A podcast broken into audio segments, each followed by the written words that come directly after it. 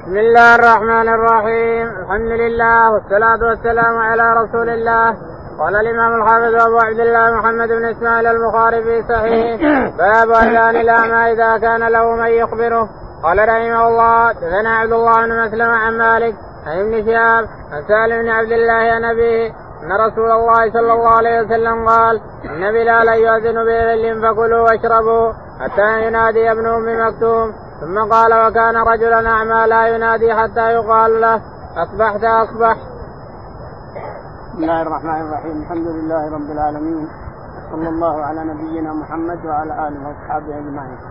يقول الإمام البخاري رحمه الله في صحيحه باب أذان الأعمى إذا كان باب أذان الأعمى إذا كان له من يوقظه أو من يذكره. يقول رحمه الله حدثنا عبد الله بن مسلم. عبد الله بن مسلمة القعنبي قال قال حدثنا مالك. قال حدثنا مالك الإمام قال حدثنا ابن شهاب. ابن شهاب الزهري قال عن سالم بن عبد الله. عن سالم بن عبد الله بن عمر قال عن أبيه. عن أبيه عبد الله بن عمر رضي الله تعالى عنه أن النبي عليه الصلاة والسلام كان يقول إن بلالا يؤذن بليل يعني بغلس يؤذن قبل طلوع الفجر عند الفجر الأول الكذوب.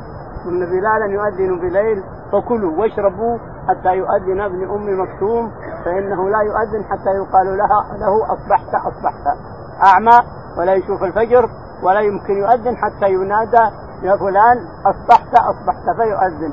يعني لا يمنعكم أذان بلال. معنى هذا أن هناك أذانين. أذان أول يؤذنه بلال وأذان اخير يؤذنه ابن مكتوم. لكن الصلاة خير من النوم. متى حدثت؟ وبأي أذان تقال؟ هل الأول يؤذنه بلال؟ أم الأخير يؤذنه ابن ام مكتوم؟ الصلاة خير من النوم لا تقال إلا في الأذان الأخير. لا تقال إلا في الأذان الأخير. لأن الأول يقول لا يمنعكم أذان بلال فإنه يؤذن بليل ما بعد طلع الفجر. فمعنى هذا ان نأكل ونشرب. ولا يقال الصلاة خير من الا بالتي ينادينا للمسجد. اللي ينادي للمسجد هو الذي يقال فيه الصلاة خير من النوم. بعض الأخوان يقول لا الصلاة من النوم في الأذان الأول نقول لا غلط. بلال ما كان يقول الصلاة خير من النوم ولا ابن أم مكتوم. لكنه حدث بعد ذلك في بعض عند بعض الخلفاء. والشاهد أن الصلاة خير من النوم. تقال في الأذان الأخير. قال إنه يؤذن بليل ولكن كلوا واشربوا حتى يؤذن ابن أم مكتوم فإنه أعمى ولا يؤذن حتى يقال له اصبحت أصبحت. يعني إذا طلع الفجر ورأى الناس الفجر الناس كلهم رأوا الفجر خلاص يؤذن. نعم. باب الاذان بعد الفجر قال رحمه الله دثنا عبد الله بن يوسف قال أخبرنا مالك النافع عن عبد الله بن عمر رضي الله عنهما قال أخبرتني حفصة رضي الله عنها أن رسول الله صلى الله عليه وسلم كان إذا تكف المؤذن للصبح وبدأ الصبح صلى ركعتين خفيفتين قبل أن تقام الصلاة.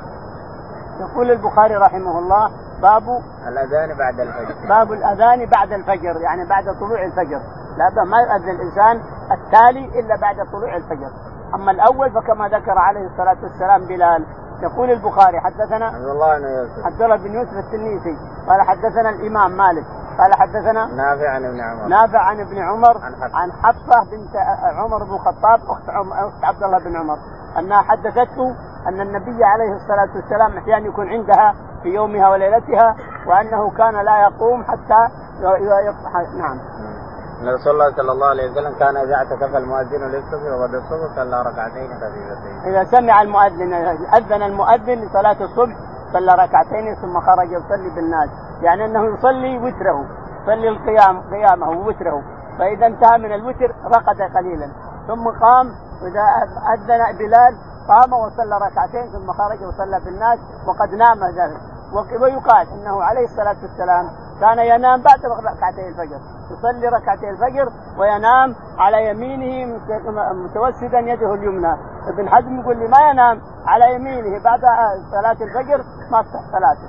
هذا كلام ابن حزم. اخذا بهذا الحديث الذي سيأتينا أن النبي عليه الصلاة والسلام كان ينام بعد ما يصلي الفجر. بعد ما يصلي ركعتين الفجر ينام على يمينه متوسدا يده اليمنى. ثم إذا قال بلال الصلاة طلع وصلى بالناس نعم. قال رحمه الله دثنا أبو نعيم قال دثنا شيبان يحيى عن أبي سلمة عن عائشة رضي الله عنها قالت كان النبي صلى الله عليه وسلم يصلي ركعتين خفيفتين بين النداء والإقامة من صلاة الصبح. يقول البخاري رحمه الله حدثنا أبو نعيم. أبو نعيم الفضل. قال حدثنا شيبان بن عبد الرحمن. شيبان بن عبد الرحمن. قال حدثنا يحيى بن أبي كثير. يحيى بن أبي كثير الطائي قال عن أبي سلمة. عن أبي سلمة بن عبد الرحمن عن عائشة. عن عائشة رضي الله تعالى عنها أن النبي عليه الصلاة والسلام كان قالت كان النبي صلى الله عليه وسلم يصلي ركعتين خفيفتين بين النداء والإقامة. كان النبي عليه الصلاة والسلام تقول عائشة كان النبي عليه الصلاة والسلام يصلي ركعتين خفيفتين بين الأذان والإقامة. يعني إذا أذن صلى ركعتي الفجر ثم خرج وصلى بالناس يعني هذه صلاة الفجر. يعني راتبة الفجر يصليها بين الأذان والإقامة نعم قال رحمه الله حدثنا عبد الله بن يوسف قال أخبرنا مالك عن عبد الله بن دينار عن عبد الله بن عمر رضي الله عنهما أن رسول الله صلى الله عليه وسلم قال إن بلال ينادي بليل فكلوا واشربوا حتى ينادي ابن ام مكتوم. يقول البخاري رحمه الله حدثنا عبد الله بن يوسف. عبد الله بن يوسف قال حدثنا مالك مالك بن أنس قال حدثنا عبد الله بن دينار. عبد الله بن دينار عن عبد الله. مولى عبد الله بن عمر. عبد الله بن دينار ونافع الاثنان مولى موالي لعبد الله بن عمر رضي الله تعالى عنه. يعني عتق له أعتقهم الاثنين. فيقول عبد الله بن دينار يقول إن عبد الله بن عمر رضي الله تعالى عنه ينسب عن النبي عليه الصلاة والسلام أنه قال نعم. إن بلال ينادي بليل فكلوا إن بلال هذا المكرر إن بلالا ينادي بليل. فكلوا واشربوا حتى يؤذن ابن أم مكتوم. وكان رجلا أعمى كما تقدم وكان لا يؤذن حتى يقال له أصبحت أصبحت. معنى هذا أنك إذا سمعت الأذان الإنسان وأنت تأكل وتشرب كمل شربك وأكلك؟ لأنك لا تدري هل الفجر طلع ولا المؤذن يؤذن بليل كما يفعل لكن من الأحوط عندي أنا من الأحوط عندي أنا أنك إذا سمعت الأذان تتوقف عن الأكل والشرب احتياطا لئلا يفتح صيامك الإنسان. ما تدري لعل المؤذن ما أذن إلا بعد ما طلع الفجر وكادت الشمس أن تطلع أيضا. بعض المؤذنين يؤذن إذا أسفر جدا يؤذن. هذا معناه أنك لا تأكل ولا تشرب لحتى تسمع المؤذن. فإذا سمعت المؤذن فأمسك. هذا الأحوط. أمسك. بعض الاخوان هنا قال لي إن في الحرم هنا الفجر في رمضان إذا سمع المؤذن راحوا يشربون من الثلاجات. هذا ما يجوز. الأحوط أن الإنسان يمسك عند الأذان يمسك لا يأكل ولا يشرب. لئلا تقع الإنسان في مشكلة. تقع في بطلان صومك إذا أكلت وشربت والفجر قد طلع. إحنا ما نحكم على المؤذن. المؤذن ما يحكم عليه. بشر. قد يقدم قد يؤخر قد يؤذن بليل قد يؤذن بنهار. ما حد يدري. لكن نحكم على الفجر. فإذا طلع الفجر مكة كما ترون يحجب يحجب الفجر ويحجب الشمس الجبال. تحجب الفجر لأنه ما يطلع علينا الفجر إلا بعد ما تنزل الشمس مرة واحدة، الفجر على مكة ما يبان إلا نزلت الشمس مرة واحدة، ولا ما يبان من الجبال تستره الجبال، لكن في الصحاري باين، وفي القرى التي ما بينها جبال باين، لكن مكة لا، محيطها جبال شاهقة طويلة، ولهذا تحجب الفجر وقد تحجب نور الشمس أيضا. نعم.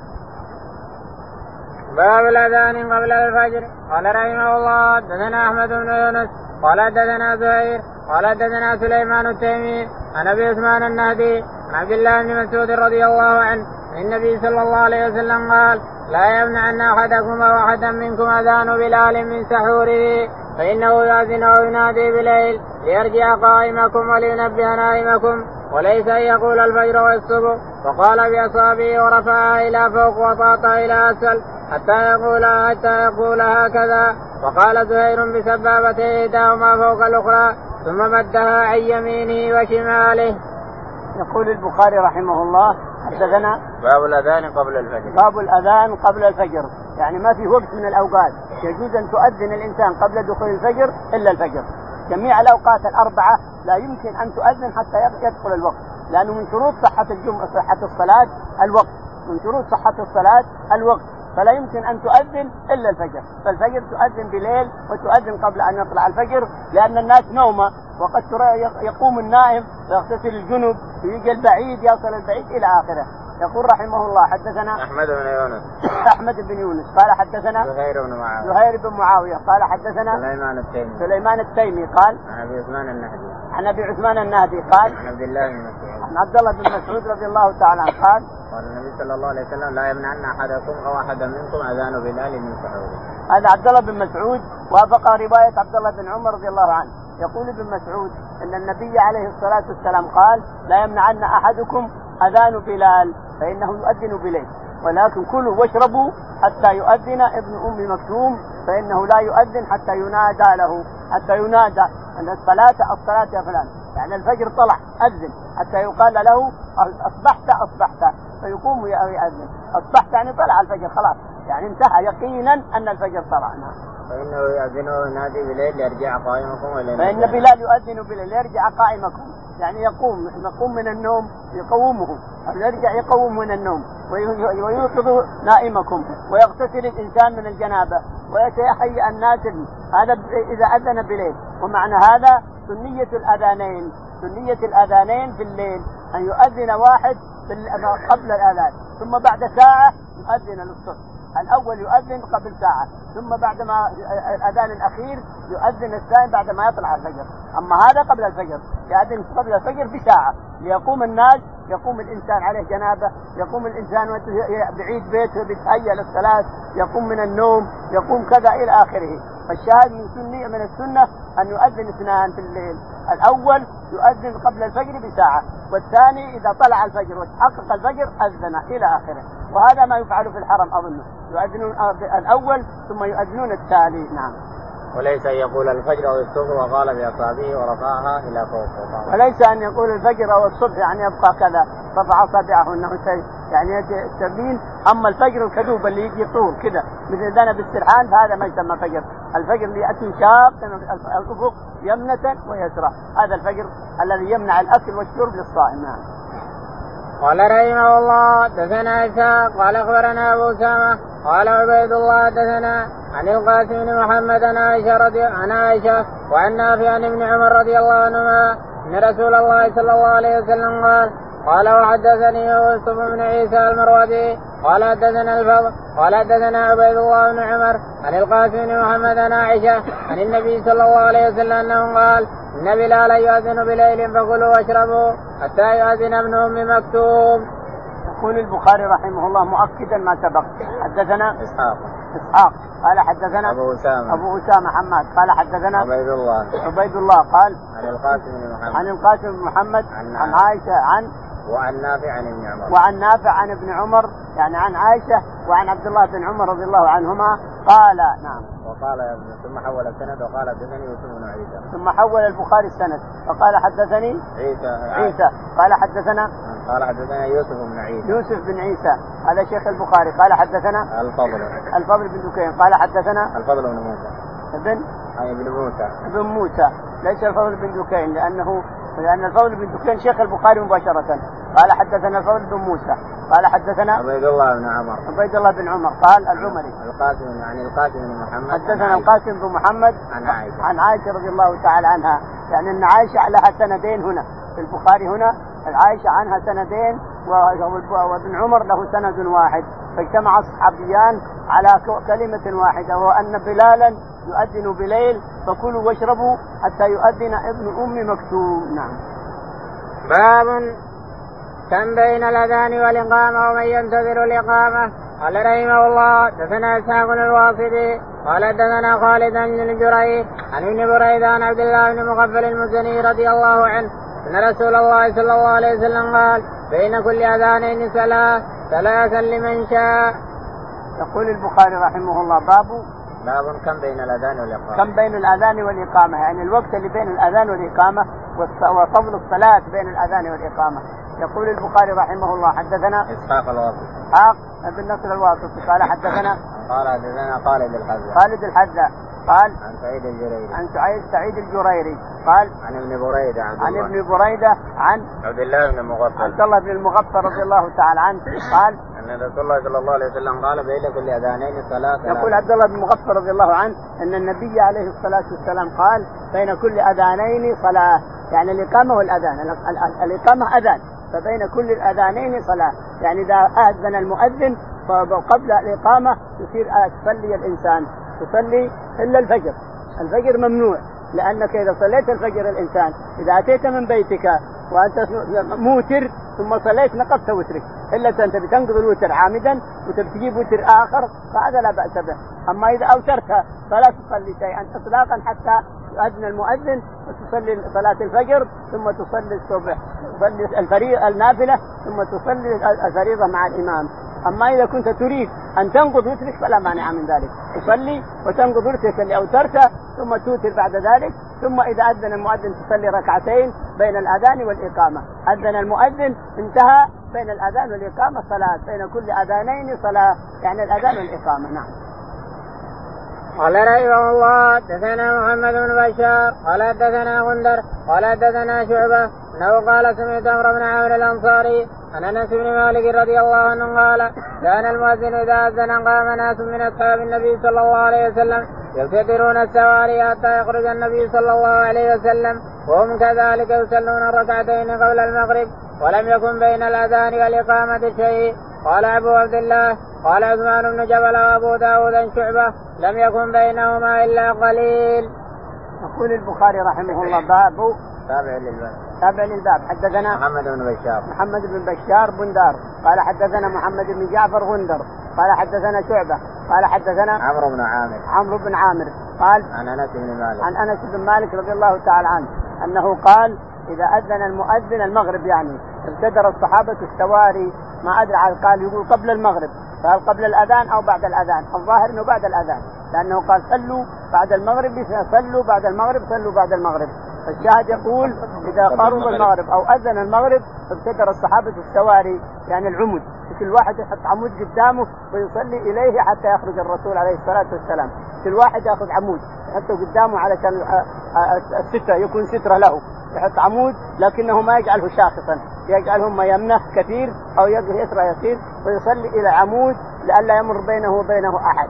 في المدينة هذا. وأما مكة فلا تمنع أحد. مكة لا تمنع أحد. ولا تحط عمود ولا شيء. الشاهد هنا أنهم يستديرون السواري فيصلون حتى يخرج الرسول عليه الصلاة والسلام. هذا بين الأذان والإقامة.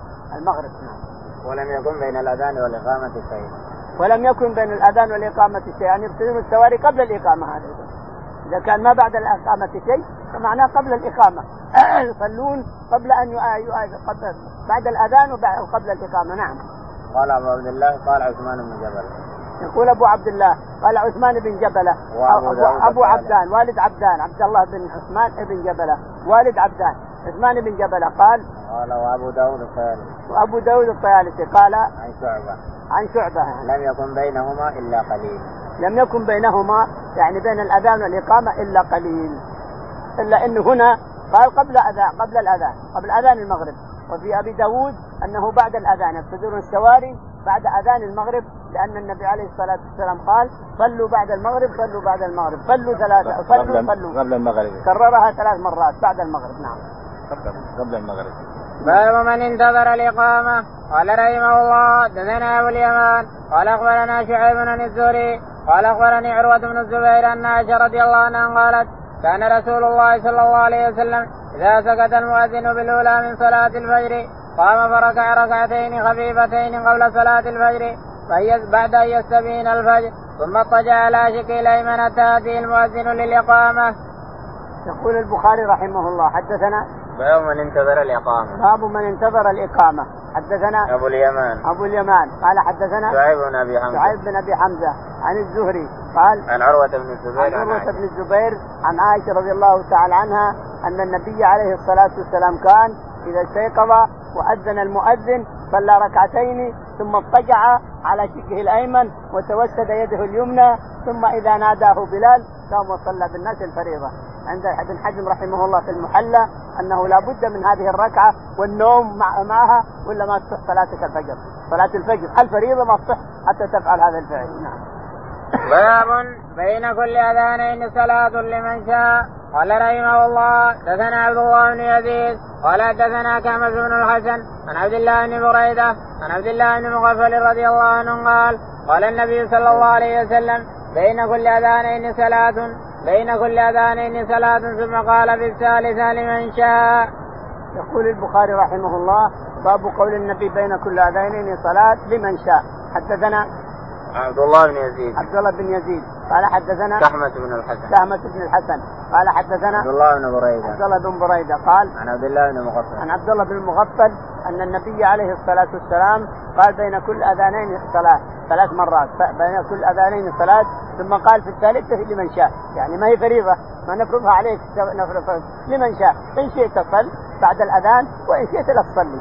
بين كل أذانين صلاة. يقول ما أدري قالها ثلاثا. ثم قال في الثالثة لمن شاء. يعني أنت تحت مشيئتك الإنسان. ما هي فرض عليك لكن تحت مشيئتك إن شئت أن تصلي صل بين الأذان والإقامة لك أجر كبير. وما شئت أن تصلي فلا تصلي. أنت حر.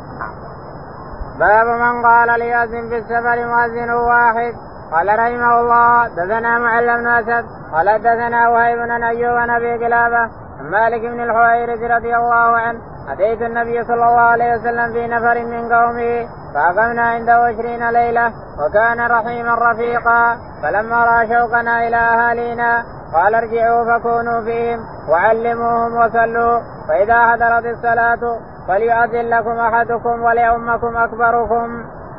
يقول البخاري رحمه الله باب من قال ليؤذن في السفر المؤذن قال ليؤذن في السفر أكبركم حدثنا مؤذن واحد يعني. مؤذن واحد. من قال في السفر يؤذن في السفر مؤذن واحد. يعني ما يؤذن أذانين. يقول حدثنا لأنه في السفر ما يحتاج إلى أذانين. أنت مسافر تحتاج إلى أذان أول وأذان ثاني كلكم موجودين اثنين سواء عشرين أو أكثر أو أقل موجودين كلكم فلا حاجة إلا إلى أذان واحد.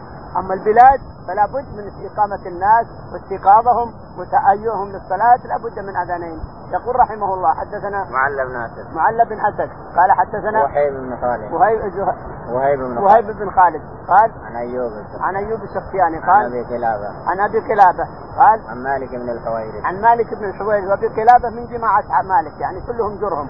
كلهم من قال حدثنا مالك بن الحويرث. نعم. قال أتيت النبي صلى الله عليه وسلم في نفر من قومي فأقمنا قال أتيت النبي عليه الصلاة والسلام في شببه من كلهم شباب. مالك بن الحويرث الجرمي وغيره. وابو قلابة جرمي مثل هذا. نقول جرهم جرم من جرم لا من جرهم. فقال أن أتيت النبي عليه الصلاة والسلام في جبهة من قومي وجلسنا عنده عشرين يوما وكان رحيما تقرأ رقيقا وتقرأ رفيقا جاءت كلها كلها لها معاني حلوة. كلها في صفات للرسول عليه الصلاة والسلام. وكان بنا رفيقا وكان رحيما وكان لطيفا مع كل أحد عليه الصلاة والسلام. يقول لما لما كملنا عشرين يوم قال لعلكم اشتقتم إلى بلادكم.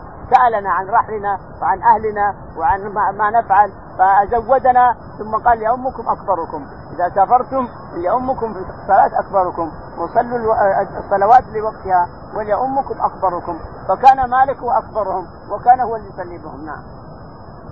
وأمروا أمير عليهم. قال ارجعوا وكونوا فيهم وعلموهم. ارجعوا إلى قومكم يعني لما سألهم عن قومهم. ارجعوا وكونوا فيهم وعلموهم ولأمكم أكبركم. نعم. باب الأذان للمسافر إذا كانوا جماعة والإقامة. وكذلك بعرفة وجمع وقول المؤذن الصلاة في الرحال في الليلة الباردة أو المطيرة. قال رحمه الله دثنا مسلم بن إبراهيم قال دثنا شعبان المهاجر بالحسن عن زيد بن وهب بن أبي ذر رضي الله عنه قال كنا مع النبي صلى الله عليه وسلم في سفر فأراد المؤذن أن يؤذن فقال له أبرد. ثم أراد أن يؤذن فقال له أبرد. ثم أراد أن يؤذن فقال له أبرد. حتى سوى ظل التلون فقال النبي صلى الله عليه وسلم إن شدة الحر من فيه جهنم. يقول البخاري رحمه الله باب الأذان للمسافر إذا باب الأذان للمسافر نعم. وكذلك بعرفة. وكذلك بعرفة أذان وإقامة. للجمع جمع بعرفة. كذلك الجمع في مزدلفه أذان وإقامتين. كذلك نعم. وقول المؤذن الصلاة في الرحال في الليلة الباردة وقول المؤذن ومن السنة أيضا. أن يقول المؤذن في الليلة المطيرة المطر ينزل من فوق والأرض مليانة من من الماء. الصلاة في الرحال. هذه من السنة. أن الإنسان لا يخرج الناس إلى حتى تلوث ثيابهم وتوسخ أنعالهم. مدوس وتوسخ الملابس وتوسخ لا ما دام مطر ينزل والممل والأرض مليانة صلوا في رحالكم كل واحد يصلي في بيته سواء كان حتى لو كانوا سفر كل واحد يصلي في خيمته لا تطلعون. إذا كانوا في سفر كل واحد يصلي بالخيمة خيمته وإن كان في البلد كل واحد يصلي في بيته. وهذه من سنة الرسول عليه الصلاة والسلام وفعلها ابن عباس وفعلها الخلفاء من بعده والصحابة والعلماء من بعدهم نعم. قال حدثنا مسلم بن إبراهيم. حدثنا مسلم بن إبراهيم الفراهيدي قال حدثنا شعبة. شعبة. قال حدثنا المهاجر أبو الحسن. المهاجر أبو الحسن. قال عن زيد بن وهب. عن زيد بن وهب. عن أبي ذر الغفاري. عن أبي ذر الغفاري رضي الله تعالى عنه. قال كنا مع الرسول عليه الصلاة والسلام في سفر والحر شديد جدا. يقول فأراد المؤذن أن يؤذن قال أبرد. فسكت. قال أبرد. ثالثة. في الثالثة أبرد. لأنه حتى يقول رأينا فيح التلول. التل يجوز أن يكون من الرمل ويجوز أن يكون من الحجارة. يعني جبال صغيرة. رمال رمال من من الرمل أو طعوش يعني من الرمل أو أنها جبال صغيرة. فالشاهد حتى صارت الفي في التلول يعني زالت الشمس وذهبت إلى المغرب وبان ظلها جهة الشرق. حينئذ قال له لأنه أبرد خلاص. راح الهواء الحار والارض أبردت قليلا ثم صلى عليه الصلاة والسلام الظهر والعصر كما ورد. نعم. وقال النبي صلى الله عليه وسلم إن شدة الحر من فيح جهنم. وقال أبرد فإن الحر فإن شدة الحر من فيح جهنم كما سبق لنا من ليلتين أو ثلاث أن جهنم اشتكت إلى ربها فاذن لها بنفسين نفس في الشتاء وهو الزمهرير نعوذ بالله البرد الشديد ونفس في القيظ وهو الحر الشديد نعم.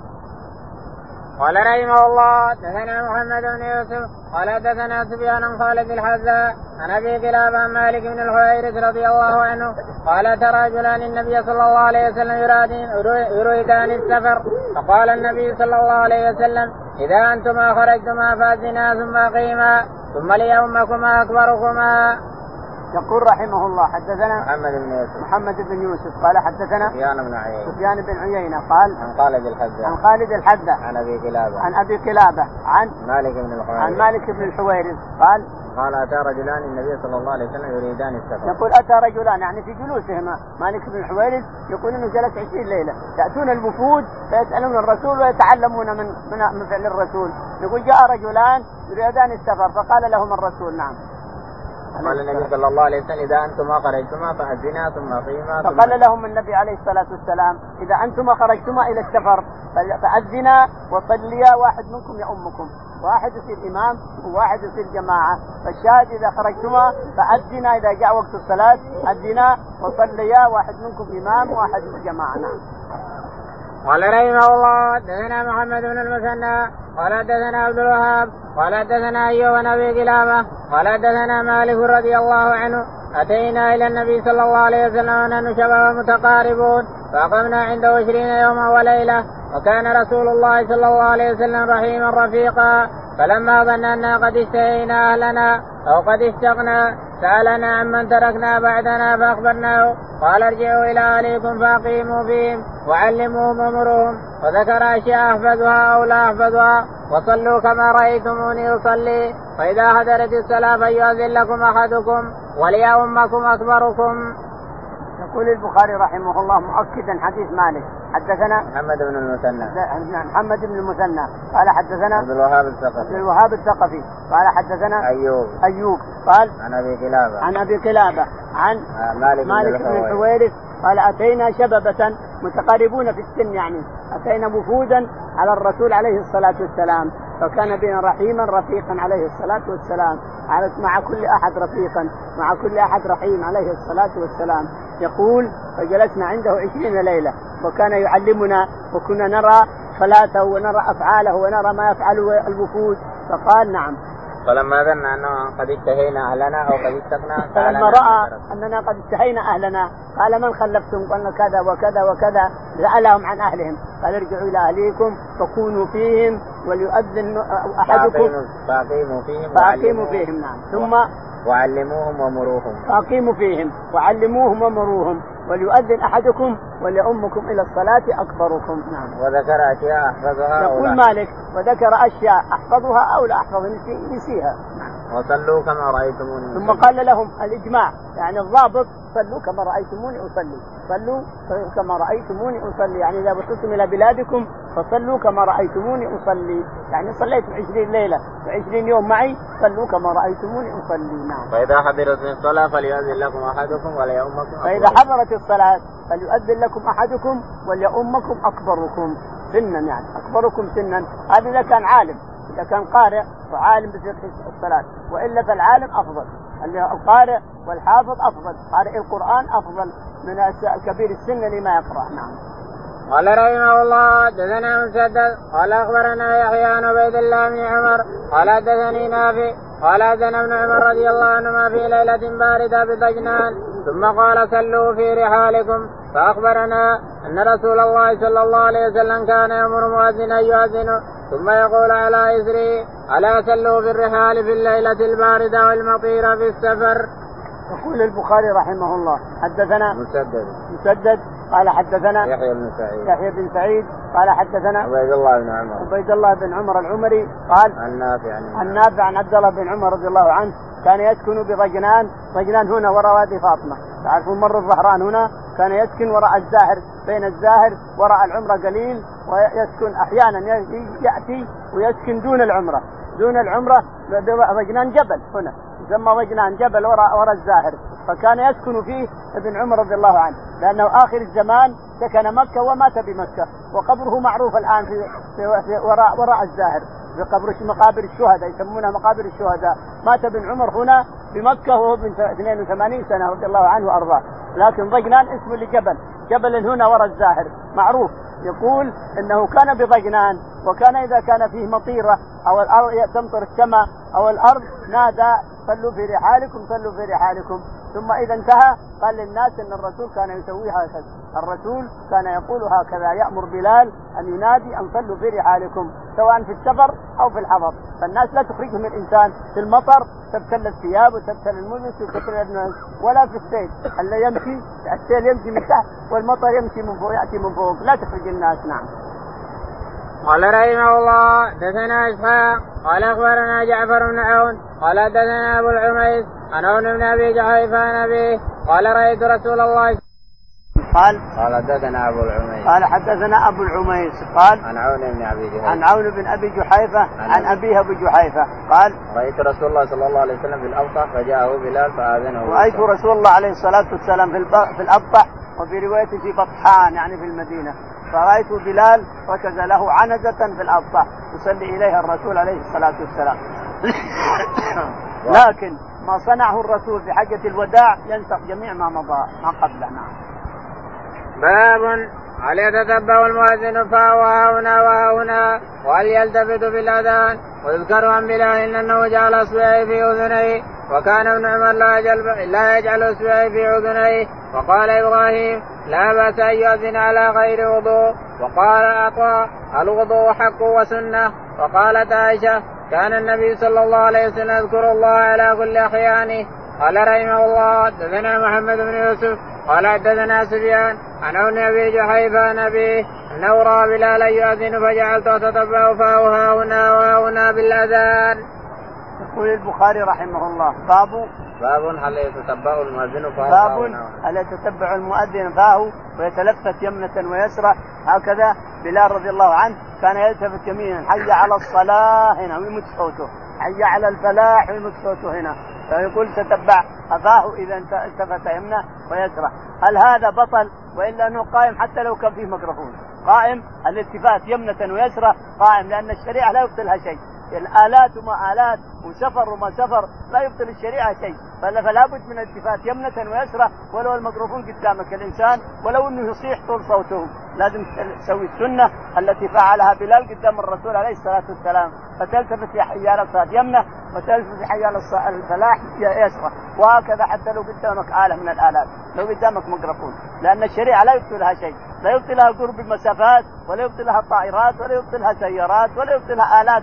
يصلي إليها. ما تبطل. الشريعة هي هي إلى يوم القيامة. فالشاهد يقول كان بلال يتلفت يمنة ويسرى رضي الله عنه وأرضاه. نعم. ويذكر عن بلال أنه جعل اصبعيه في أذنيه. ويذكر عن بلال أنه جعل اصبعيه في أذنيه، ليش؟ لأنك إذا جعلت الاصبعين هذه في أذنيك صار الصوت كله يخرج من فمك، ما يخرج من هنا شيء، الاذين ما يخرج منها شيء، جميع الصوت يجتمع ويخرج من فمك الإنسان، نعم. وكان ابن عمر لا يجعل إصبعيه في وكان ابن عمر لا يجعل إصبعيه، يعني يأذن بدون أن يجعل إصبعيه في أذنيه، نعم.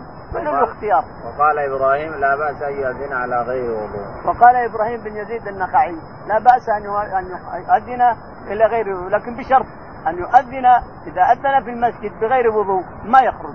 إن خرج لابد ان خرج فقد عصى أبا القاسم. لأن أبي هريرة رضي الله تعالى عنه يقول إذا خرج الإنسان بعد الأذان فقد عصى أبا القاسم. فمن الأفضل المؤذن أنه لا يؤذن إلا طاهر لاجل لا يحتاج إلى الخروج لأنه إذا أذن بغير طهارة يحتاج إلى الخروج من المسجد لأجل يتوضأ فالشاهد انها الخروج من المسجد بعد الأذان عصى أبا القاسم نعم. وقال عطاء الوضوء حق وسنة. وقال عطاء الوضوء حق وسنة نعم. وقالت عائشة كان النبي صلى الله عليه وسلم يذكر الله على كل أحيان. وقالت عائشة أن النبي عليه الصلاة والسلام كان يذكر الله على كل احيانه، تقصد أن ذكر الله والأذان وغيرها يجوز تقوله بلا وضوء، يجوز تقوله حتى ولو انت جنب، تذكر ربك الإنسان قائما وقاعدا، حتى لو انت جنب، حتى الحائض، حتى تذكر إلا القرآن ممنوع، للجنب والحائض ممنوع، لكن تسبح وتهلل وتذكر الله وتستغفر وتذكر وتثني على ربك، جائز هذا في كل حالة، في كل حالة جائز، اذكر الله واستغفر وتب إلى الله وسبح وهلل كل شيء حتى الجنب وحتى الحائض وحتى كل إنسان.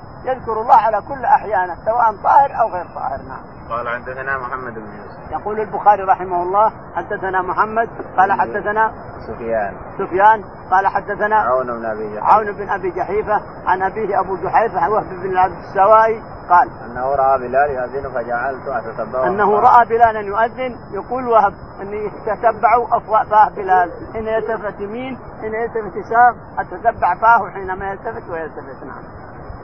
باب قول الرجل فاتتنا الصلاة وكره ابن سيرين أن يقول فاتتنا الصلاة ولكن ليقل لم ندرك وقول النبي صلى الله عليه وسلم صح قال رحمه الله دثنا أبو نعيم قال دثنا شيبان أن يحيى عن عبد الله بن أبي قتادة عن قال كنا قال بينما نحن نصلي مع النبي صلى الله عليه وسلم إذ سمع جلبة رجال فلما صلى قال ما شأنكم؟ قالوا استعجلنا إلى الصلاة قال فلا تفعلوا إذا أتيتم الصلاة فعليكم بالسفينة بالسكينة فما أدركتم فصلوا وما فاتكم فأتموا.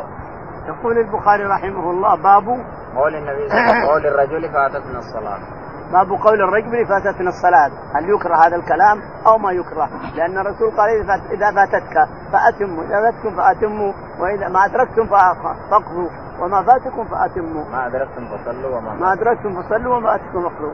فالشاهد قول الرسول أو لا يقول رحمه الله وكره ابن سيرين أن يقول فاتتنا الصلاة. وكره محمد بن سيرين أن يقول فاتتنا الصلاة ولكن يقول لم أدرك الصلاة.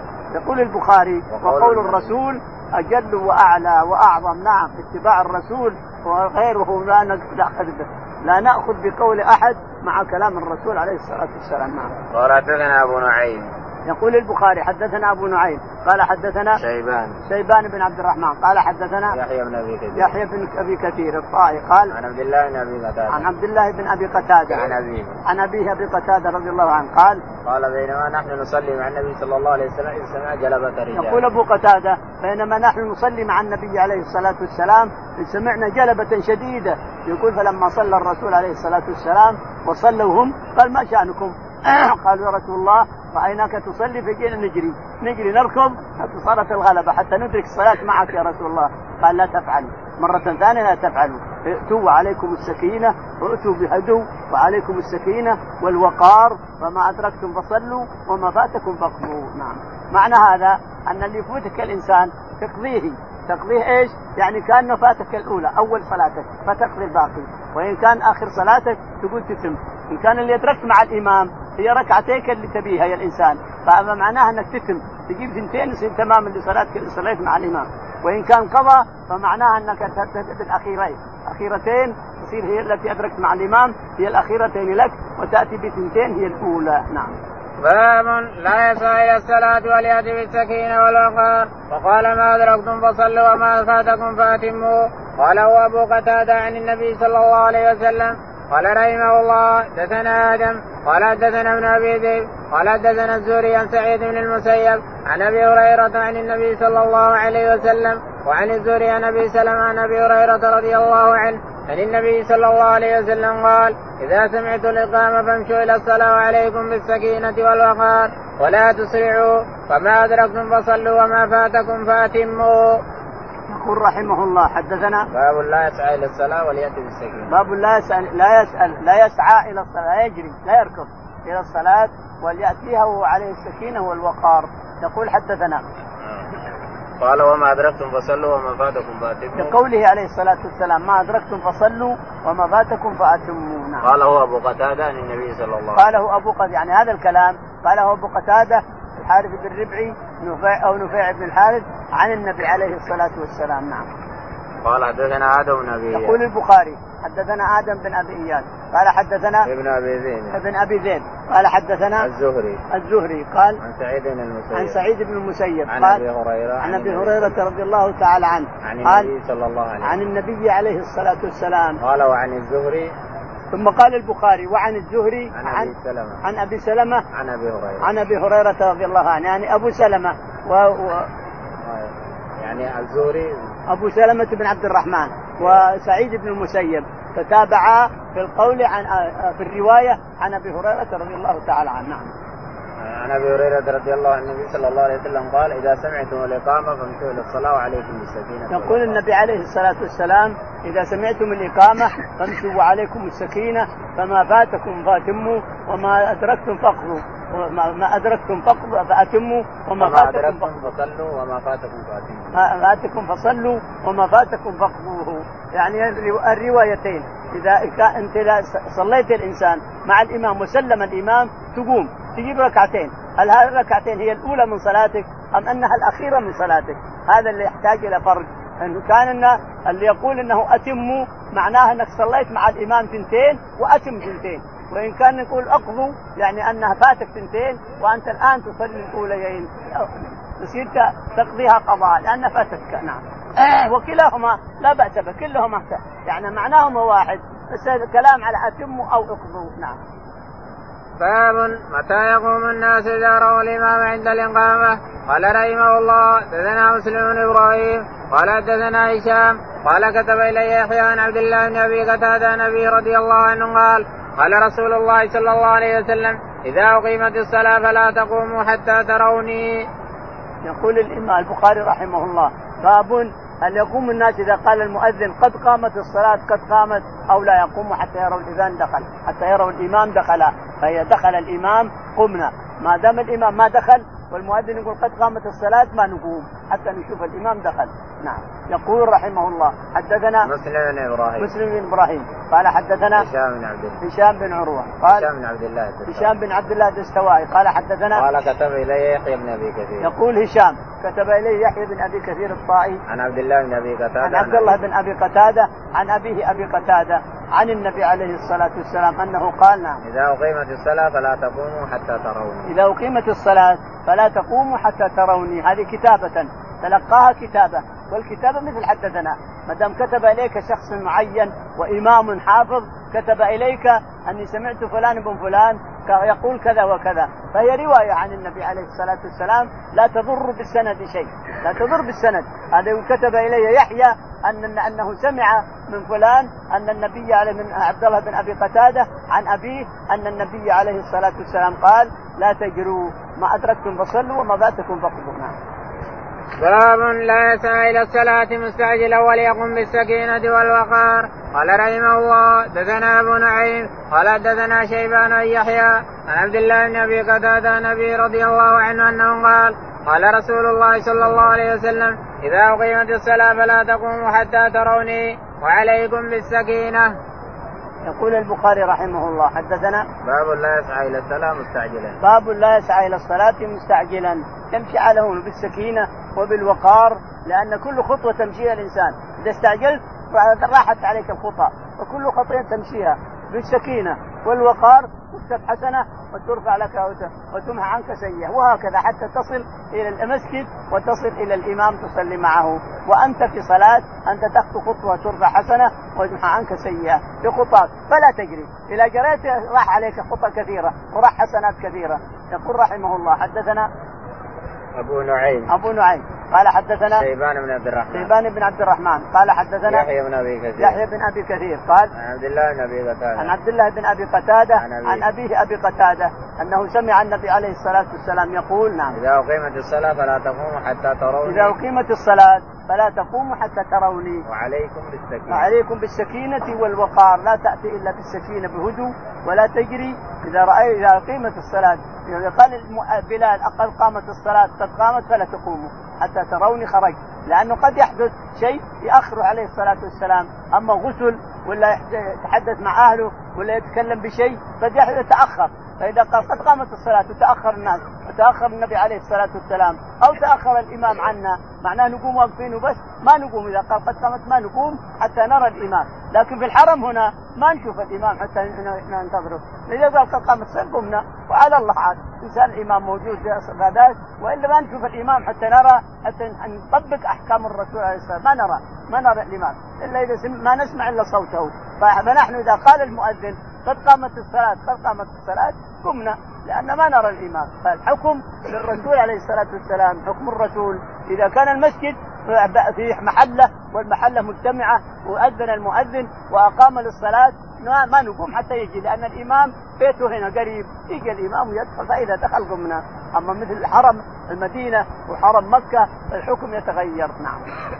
باب هل يخرج من المسجد لعله قال رحمه الله حدثنا عبد العزيز بن عبد الله قال حدثنا إبراهيم بن سعد عن صالح بن كيسان ابن شهاب عن أبي سلمة عن أبي هريرة رضي الله عنه أن رسول الله صلى الله عليه وسلم خرج وقد قيمت الصلاة وعدلت الصفوف حتى إذا قام في مصلى وانتظرنا أن يكبر انصرف قال على مكانكم فمكثنا على هيئتنا حتى خرج إلينا ينطف رأسه ماء وقد اغتسل.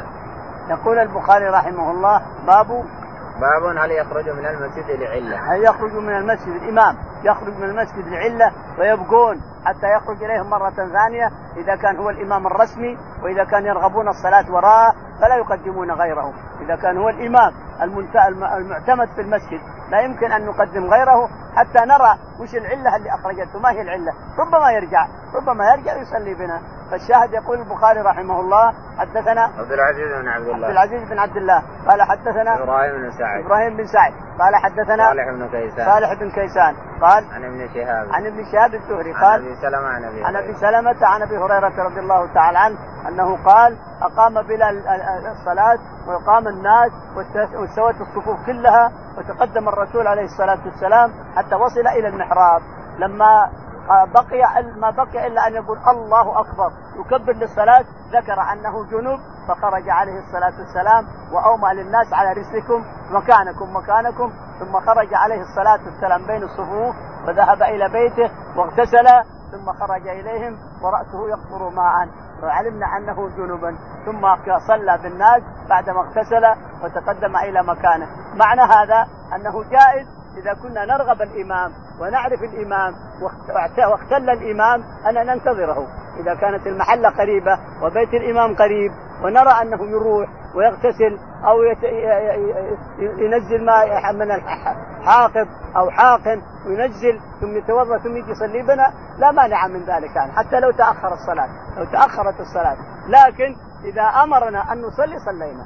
الإمام الرسمي. إذا قال صلوا يا جماعة فأنا بروح البيت وبنقضي الوضوء وربما أتأخر عليكم. قد أذنت لكم أن تصلوا فإننا نقدم واحد ونصلي. لكن الاستخلاف لا يكون إذا سبقه الحدث. الاستخلاف عند الإمام أحمد لا يكون إذا سبقه الحدث. الإمام خرج منه ريح أو خرج منه رعاف دم أو خرج منه طراش ولا استطاع يرده. كثير يعني. أخذ بخشمه ثم خرج إحنا نقدم واحد ونخليه يبني يبتدي الصلاة من الأول. يبتدي صلاتنا لأن صلاتنا مع الإمام الأول بطلت خلاص. لكن إن كان الإمام استطاع أن يستخلف ما خرج شيء. ورجع رجع القهقرة حتى وقف في الصف ثم قدم واحد من الصف وتقدم الواحد فإنه يبني على صلاة الإمام.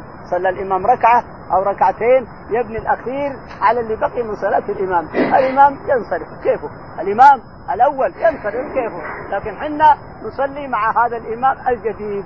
بعض العلماء يرى أن عمر بن الخطاب رضي الله عنه طعن وطعن منه دماء كثيرة وأن عبد الرحمن بن عوف بنى على صلاة من يقول هذا؟ اتونا بالتحقيق على هذا. عبد الرحمن بن عوف يقال إنه صلى ركعتين والفجر ركعتين. ما في غير ركعتين الفجر. نعم أن عمر طعن وهو يصلي وبطلت صلاة عمر لكن هل بطلت صلاتنا نحن؟ تقول إن كان عبد الرحمن بن عوف لما شيل عمر تقدم عبد الرحمن وصلى بالناس وبنى على صلاة عمر فالصلاة صحيحة إن شاء الله إلى آخره. الله أعلم. اللهم اهدنا فيمن هديت وعافنا فيمن عافيت وتولنا فيمن توليت اللهم توفنا مسلمين وألحقنا بالصالحين يا رب العالمين